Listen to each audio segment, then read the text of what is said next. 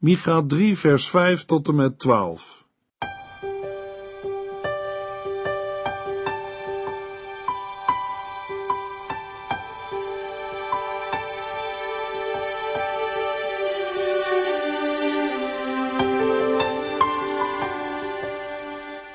Hartelijk welkom bij De Bijbel Door. Dit is een programma van Transworld Radio. U kunt ons ook vinden op internet www.transworldradio.nl. De Bijbel Door is een radioserie die in vijf jaar tijd door de hele Bijbel gaat. Van Genesis tot Openbaring, van kaft tot kaft.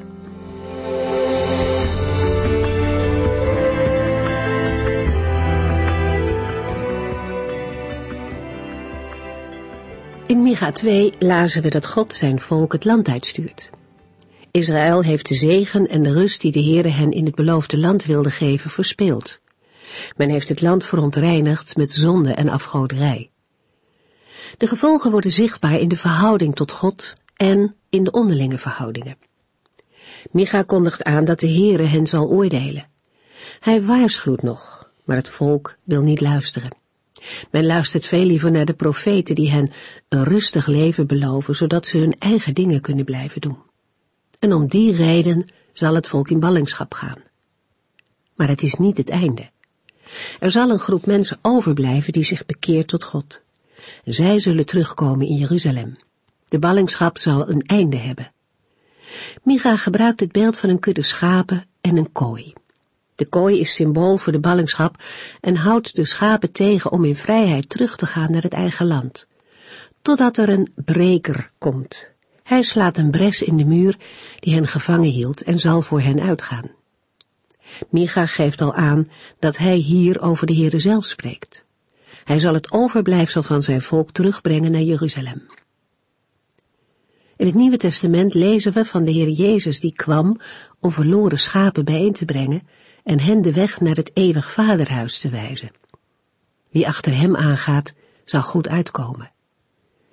Na de profetie van redding gaat Micha in hoofdstuk 3 verder met een oordeelsaankondiging. Hij spreekt nu de leiders van het volk aan. Micha wijst de mensen op hun zonde. Het is genadiger dan dat wij misschien zouden denken. Het klinkt in eerste instantie niet zo fijn, maar het doel van deze prediking is om mensen terug te brengen bij God. Het is ook een bewijs dat God geduldig en genadig is. Hij laat mensen waarschuwen zodat zij zich kunnen bekeren. God voert nooit zomaar een oordeel uit.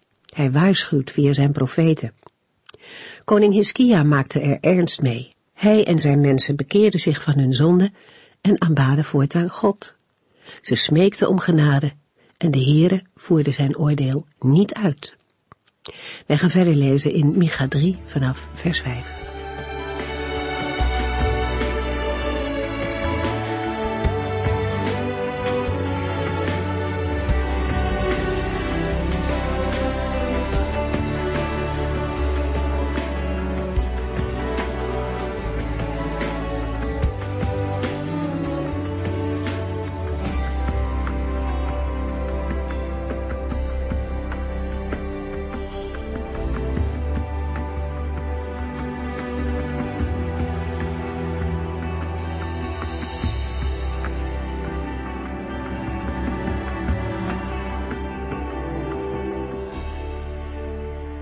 De vorige uitzending sloten we af met het lezen van Micha 3 vers 4, waar we lazen, U zult de Heere smeken u te helpen in moeilijke tijden.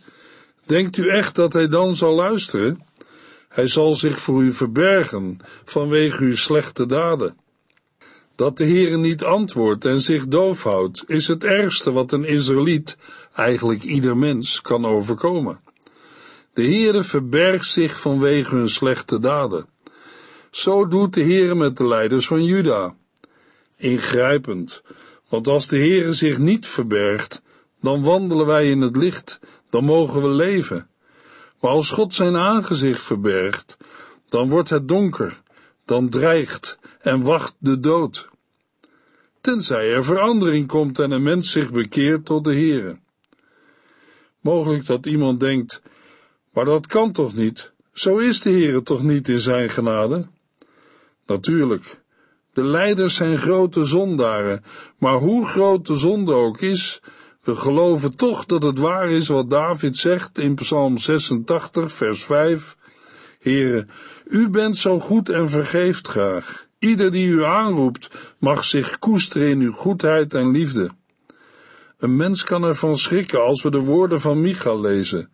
Denkt u echt dat hij dan zal luisteren? Hij zal zich voor u verbergen vanwege uw slechte daden. Kan het waar zijn dat God niet antwoordt als een schuldige in de nood tot hem roept? Het woordje dan in de zin, denkt u echt dat hij dan zal luisteren, geeft het antwoord. Een smeken om hulp in moeilijke tijden wordt niet geboren uit verootmoediging onder de profetische prediking van Micha. Zij roepen als het te laat is. Dan antwoordt de Heere niet meer. Een voorbeeld daarvan is koning Saul. Toen de Heere hem verworpen had, antwoordde God hem niet meer. We lezen het in 1 Samuel 28 vers 4 tot en met 6. De Filistijnen sloegen hun kamp op bij Sunem, terwijl Saul en zijn leger bij Gilboa lagen. Toen Saul het enorme Filistijnse leger zag, werd hij bang en zonk de moed hem in de schoenen. Daarom besloot hij de Heere om raad te vragen. Maar de Heere weigerde hem te antwoorden. Nog door dromen, nog door de Urim, de orakelstenen, nog door de profeten kwam Saul iets te weten. Later beweert Saul in 1 Samuel 28 vers 15 dat de Heere hem in de steek heeft gelaten. Maar Saul moet dan horen van Samuel, wat heeft het voor zin mij te vragen? De Heere heeft u immers verlaten en hij is uw vijand geworden. Hij heeft precies dat gedaan wat hij had gezegd en u het koninkrijk afgenomen om het aan een ander te geven, aan David. Dit alles is vandaag over u gekomen, omdat u de aanwijzingen van de Heere niet hebt opgevolgd toen hij zijn toorn op Amalek richtte. Maar het is niet de Heere die Saul in de steek liet. Saul is een eigen weg ingeslagen en heeft de Heere verlaten. En zo is het ook in de dagen van Micha. Hij zal zich voor u verbergen vanwege uw slechte daden. Micha 3 vers 5 Valse profeten, u verleidt mijn volk. U verkondigt vrede voor degene die u te eten geven, maar u bedreigt hen die u niet betalen. Dit is de boodschap van de Heere voor u. Nadat Micha de leiders het woord van de Heere verkondigd heeft, krijgen in vers 5 de valse profeten een beurt. Ze zijn met meer, samen zijn ze sterk, en Micha is maar alleen. Maar in Micha 3 vers 8 zullen we zien hoe diep Micha ervan overtuigd is dat hij God aan zijn kant heeft. En met de Heere weet de profeet zich altijd in de meerderheid. Wat is de zonde van de profeten? Nou, als profeet zijn ze geroepen om geestelijke leiding te geven aan het volk. Maar in plaats daarvan moet Micha namens de Heere zeggen: U verleidt mijn volk. Dat is een levensgevaarlijke bezigheid. Want het volk dat zij verleiden kan dan wel een zondig volk zijn en zich laten bedriegen, maar het is nog altijd Gods volk. De Heere zegt in vers 5, U verleidt mijn volk. En wie aan de oogappel van de Heere komt, komt aan God zelf. In Zacharia 2 vers 8 zegt de profeet Zacharia, de Heere van de hemelse legers, vol macht en majesteit, heeft mij naar de volken gestuurd, door wie u werd onderdrukt. Want wie u aanraakt, raakt zijn oogappel aan. Uit het verband van Zacharia 2 wordt duidelijk dat de oogappel van de Heere het volk Israël is. En als we het woordje mijn in vers 5 met een kleine letter zouden moeten lezen, dan voelt u hoezeer Micha zich met dat volk verbonden voelt. Hij kan het niet hebben dat het volk van God op een dwaalspoor wordt gebracht, waarop zij dreigen om te komen. Het laat de Heere, als ook zijn dienaar Micha, niet koud als zijn volk wordt misleid. En vandaag, Wij mogen ons best eens afvragen wat deze woorden van Micha zeggen over kerken en predikers die ruimte bieden voor dwaalleer en leugen laten voortwoekeren in het midden van de christelijke gemeente. Wie de Heere lief heeft en zijn kinderen kan niet verdragen dat Gods woord verdraaid wordt en Gods werk wordt ontkend en daarmee de eer van de Heere wordt geroofd. Ook bij andere profeten komen we de confrontaties met valse profeten tegen. Maar nergens zijn de woorden zo scherp als bij de profeet Micha uit de stad Moreset. Namens de Heer en in zijn opdracht neemt Micha het in zijn eentje op tegen de valse profeten. Micha zegt in vers 5, U verkondigt vrede voor degene die u te eten geven, maar u bedreigt hen die u niet betalen. Het zijn echte broodprofeten. Je kunt hen laten zeggen wat je maar wil, als je maar betaalt.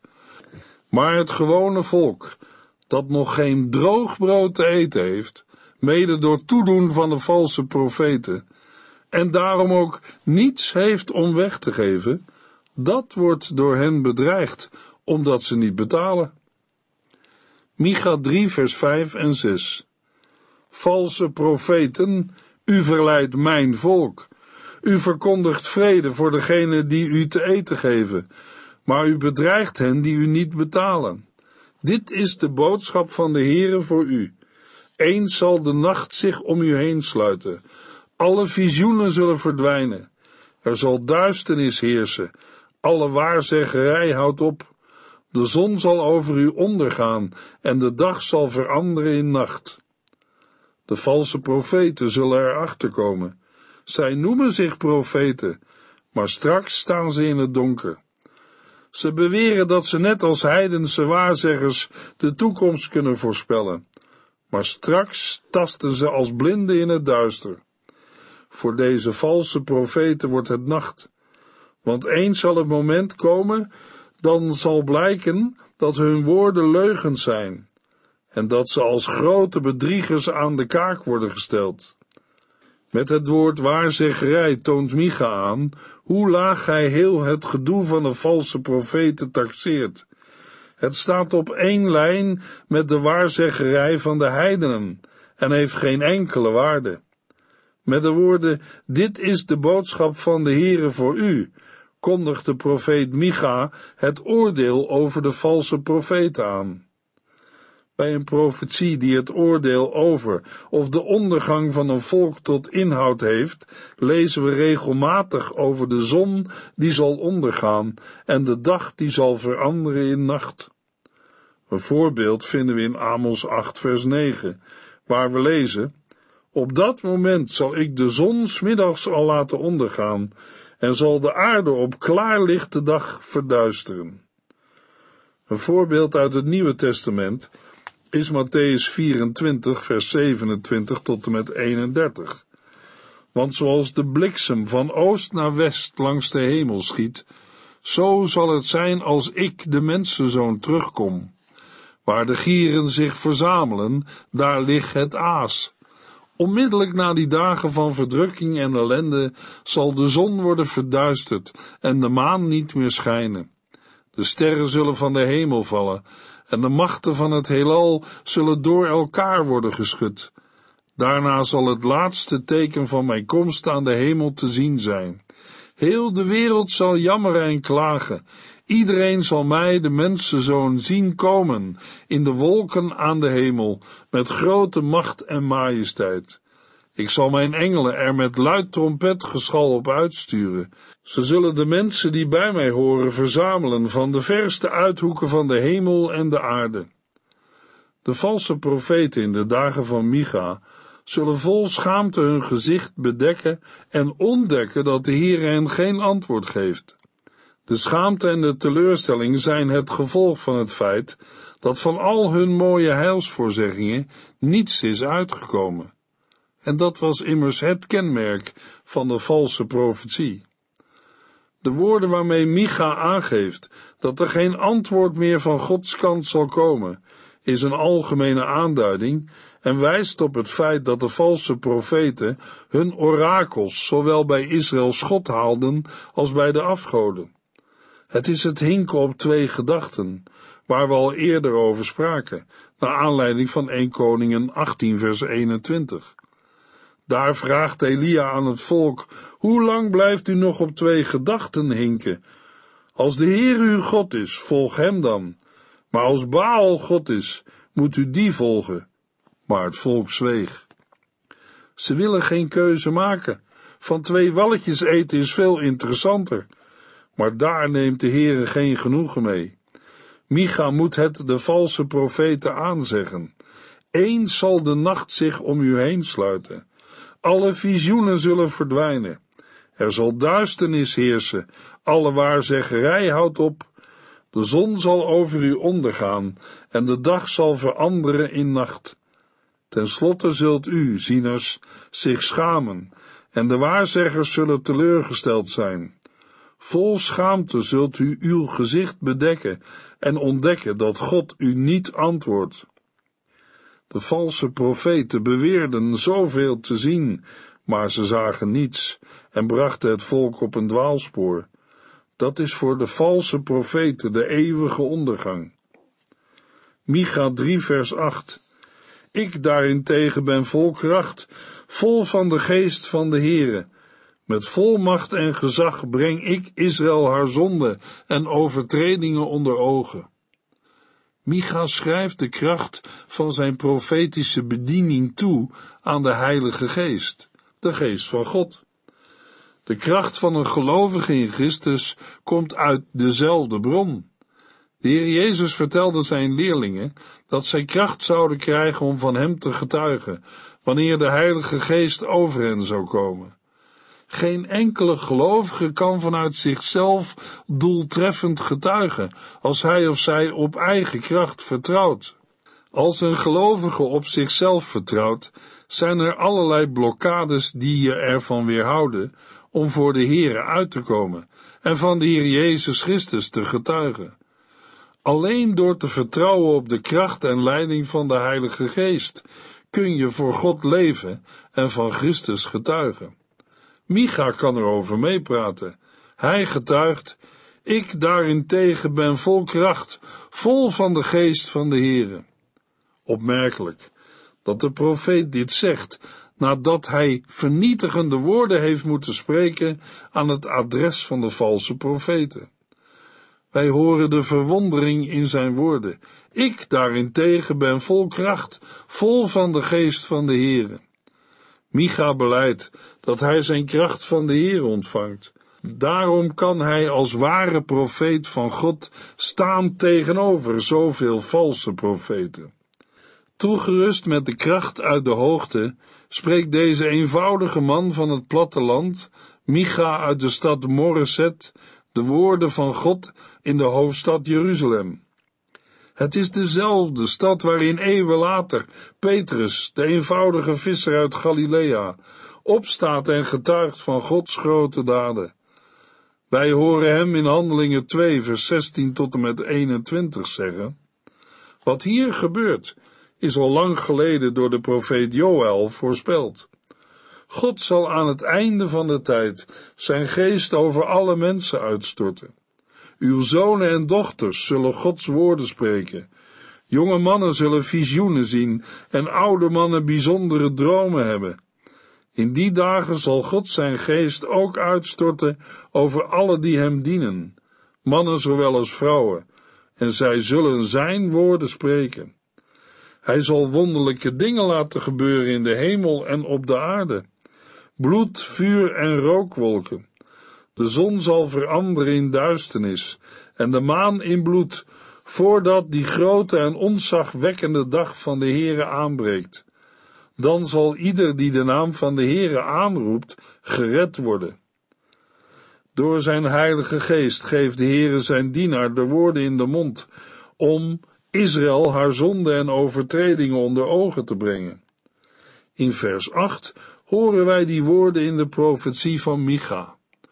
Onverbloemd hoort het volk van Juda en Jeruzalem waar het op vastzit, en waarom bekering noodzakelijk is. En op de Pinksterdag gebeurt hetzelfde als Petrus op het tempelplein spreekt van deze Jezus die u gekruisigd hebt. Profeten zeggen waar het op staat. Het zijn geen zachte heelmeesters. De Heilige Geest stuurt hen voort en doet hen spreken tot eer van God en tot bekering van hun hoorders. Micha zegt, met volmacht en gezag breng ik Israël haar zonde en overtredingen onder ogen. Met deze woorden wordt duidelijk het verschil aangegeven tussen Micha en de valse profeten. Terwijl de valse profeten nooit over zonde en overtredingen spraken en met geen oordeel dreigden omdat zij het volk van de Heere Gods wet niet voorhielden, deed Micha dat wel. Hij kondigde het oordeel aan, omdat hij wel rekende met de wet van God. Als Israël het verbond verbreekt, treden de sancties in werking die bij overtreding of verbreking van het verbond zijn aangezegd. In het Bijbelboek Deuteronomium lezen we over de zegeningen en de sancties, bijvoorbeeld in Deuteronomium 28 vers 1. Als u deze wetten en regels van de Heere, uw God, die ik u vandaag bekend maak, volledig gehoorzaamt, zal hij u boven alle volken van de aarde verheffen. Daarna volgen in de versen 2 tot en met 14 de zegeningen die over Israël zullen komen, als zij luisteren naar de stem van de Heere hun God. Daarna lezen we in vers 15, als u niet naar de Heere uw God luistert en deze wetten die ik u vandaag geef niet wilt gehoorzamen, zullen al deze vervloekingen over u komen. Na deze woorden volgt er in Deuteronomium 28, vers 16 tot en met 68 een lange opsomming van al de sancties die de Heere zal uitvoeren bij ongehoorzaamheid en niet luisteren naar zijn woord. 13 versen met zegeningen, maar 53 versen met sancties en vervloekingen. Dat de lijst met sancties vier keer zo lang is, verhoogt het afschrikkingseffect, opdat Israël, en ook wij, niet zullen afwijken van de leefregels die de Heere voor een dankbaar leven met hem heeft gegeven. Mogelijk dat iemand zegt, maar ik leef niet meer onder de wet. Daarvan heeft Christus mij bevrijd. Zeker, maar dat heeft betrekking op het feit dat niemand door het houden van de wet het in orde kan maken met God, omdat wij mensen Gods wet niet volmaakt kunnen houden. We lezen in Hebreeën 7 vers 18 en 19 het oude systeem, waarin men priester werd omdat men tot een bepaalde stam behoorde, is opgeheven, omdat het niet werkte. De mensen konden daardoor niet gered worden, Daardoor lukte het niemand om met God in het reine te komen. Maar nu hebben wij een veel betere hoop, want Christus maakt het voor ons met God in orde, zodat wij bij Hem mogen komen. En in Hebreeën 10 vers 1 lezen we, de wet van Mozes gaf maar een versluierd beeld van de geweldige dingen die Christus voor ons zou doen. Vers 12, maar nadat Christus zichzelf voor onze zonde aan God had gegeven, als een offer voor alle tijden, ging hij aan Gods rechterhand zitten. En in vers 14, door dat ene offer heeft hij allen die voor God zijn afgezonderd, voor altijd volmaakt gemaakt. Vers 18, als de zonden vergeven en vergeten zijn, is er geen offer meer nodig. Geweldig als een mens persoonlijk mag weten en ervaren dat al de zonden zijn vergeven. Maar daarmee wordt aan een mens geen vrijbrief gegeven om zich niet aan Gods wetten te houden, als leefregel voor het dagelijkse leven. Voor christenen, joden en niet-joden geldt ook na ontvangen genade, Matthäus 22, vers 37 tot en met 40, waar de Heer Jezus zegt, heb de Heer uw God lief met heel uw hart, met heel uw ziel en met heel uw verstand. Dit gebod is het eerste en het belangrijkste. Het tweede gebod komt op hetzelfde neer. Heb uw naaste net zo lief als uzelf. Deze twee geboden zijn de basis van de hele wet en de profeten. Wat wil iemand duidelijk maken als hij of zij zegt: Ik leef niet onder de wet, maar in de vrijheid van Christus? In ieder geval niet dat hij of zij nu wel mag stelen, moorden en met de vrouw van zijn naaste er vandoor kan gaan. Nee, iemand bedoelt te zeggen dat het door het houden van de wet niet met God in orde kan komen, maar alleen door het offer van de Heer Jezus Christus. Door goed te leven en ieder het zijne te geven, komt het niet in orde met de Heere God. Paulus schrijft in Galaten 3 vers 24 tot en met 26, Laat ik het anders zeggen. De wet was onze opvoeder, totdat Christus kwam en wij door in hem te geloven recht voor God konden staan. Maar nu het geloof in Christus er is, heeft die opvoeder niets meer over ons te zeggen. Door het geloof in Christus Jezus bent u allemaal kinderen van God geworden. Micha 3 vers 9 tot en met 12 Luister, leiders van Israël, u haat gerechtigheid en maakt krom wat recht is. U vult Jeruzalem met moord en allerlei soorten onrecht.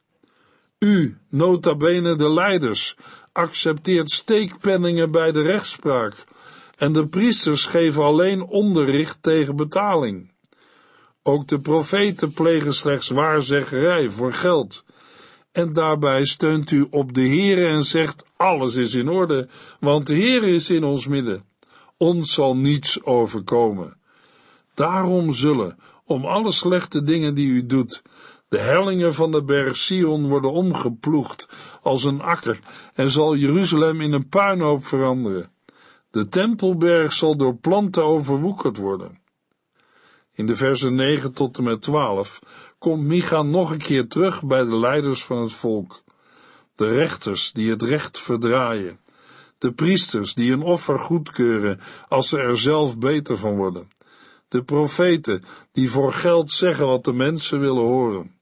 Het is niet het gewone volk dat zich aan deze praktijken schuldig maakt. Nee, het zijn de geestelijke leiders. Zij proberen hun eigen zakken te vullen ten koste van het gewone volk. En het ergste is, ze denken aan Gods oordeel te kunnen ontkomen, want zij zeggen: alles is in orde, want de Heer is in ons midden, ons zal niets overkomen. Maar het is een valse rust. In de volgende uitzending lezen we Micha 4, vers 1 tot en met 5.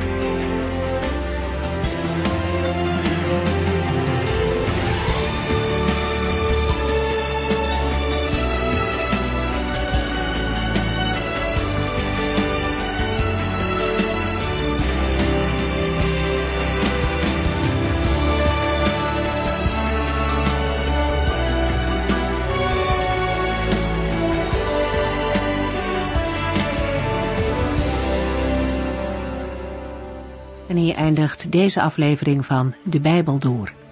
Een serie programma's van Transworld Radio. Wilt u ons iets vragen of meer weten? Dan kunt u altijd contact met ons opnemen.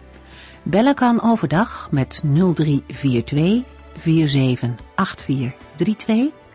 Per post Transworld Radio. Postbus 371. Postcode 3770. Anton Johannes in Barneveld. En e-mailen kan ook.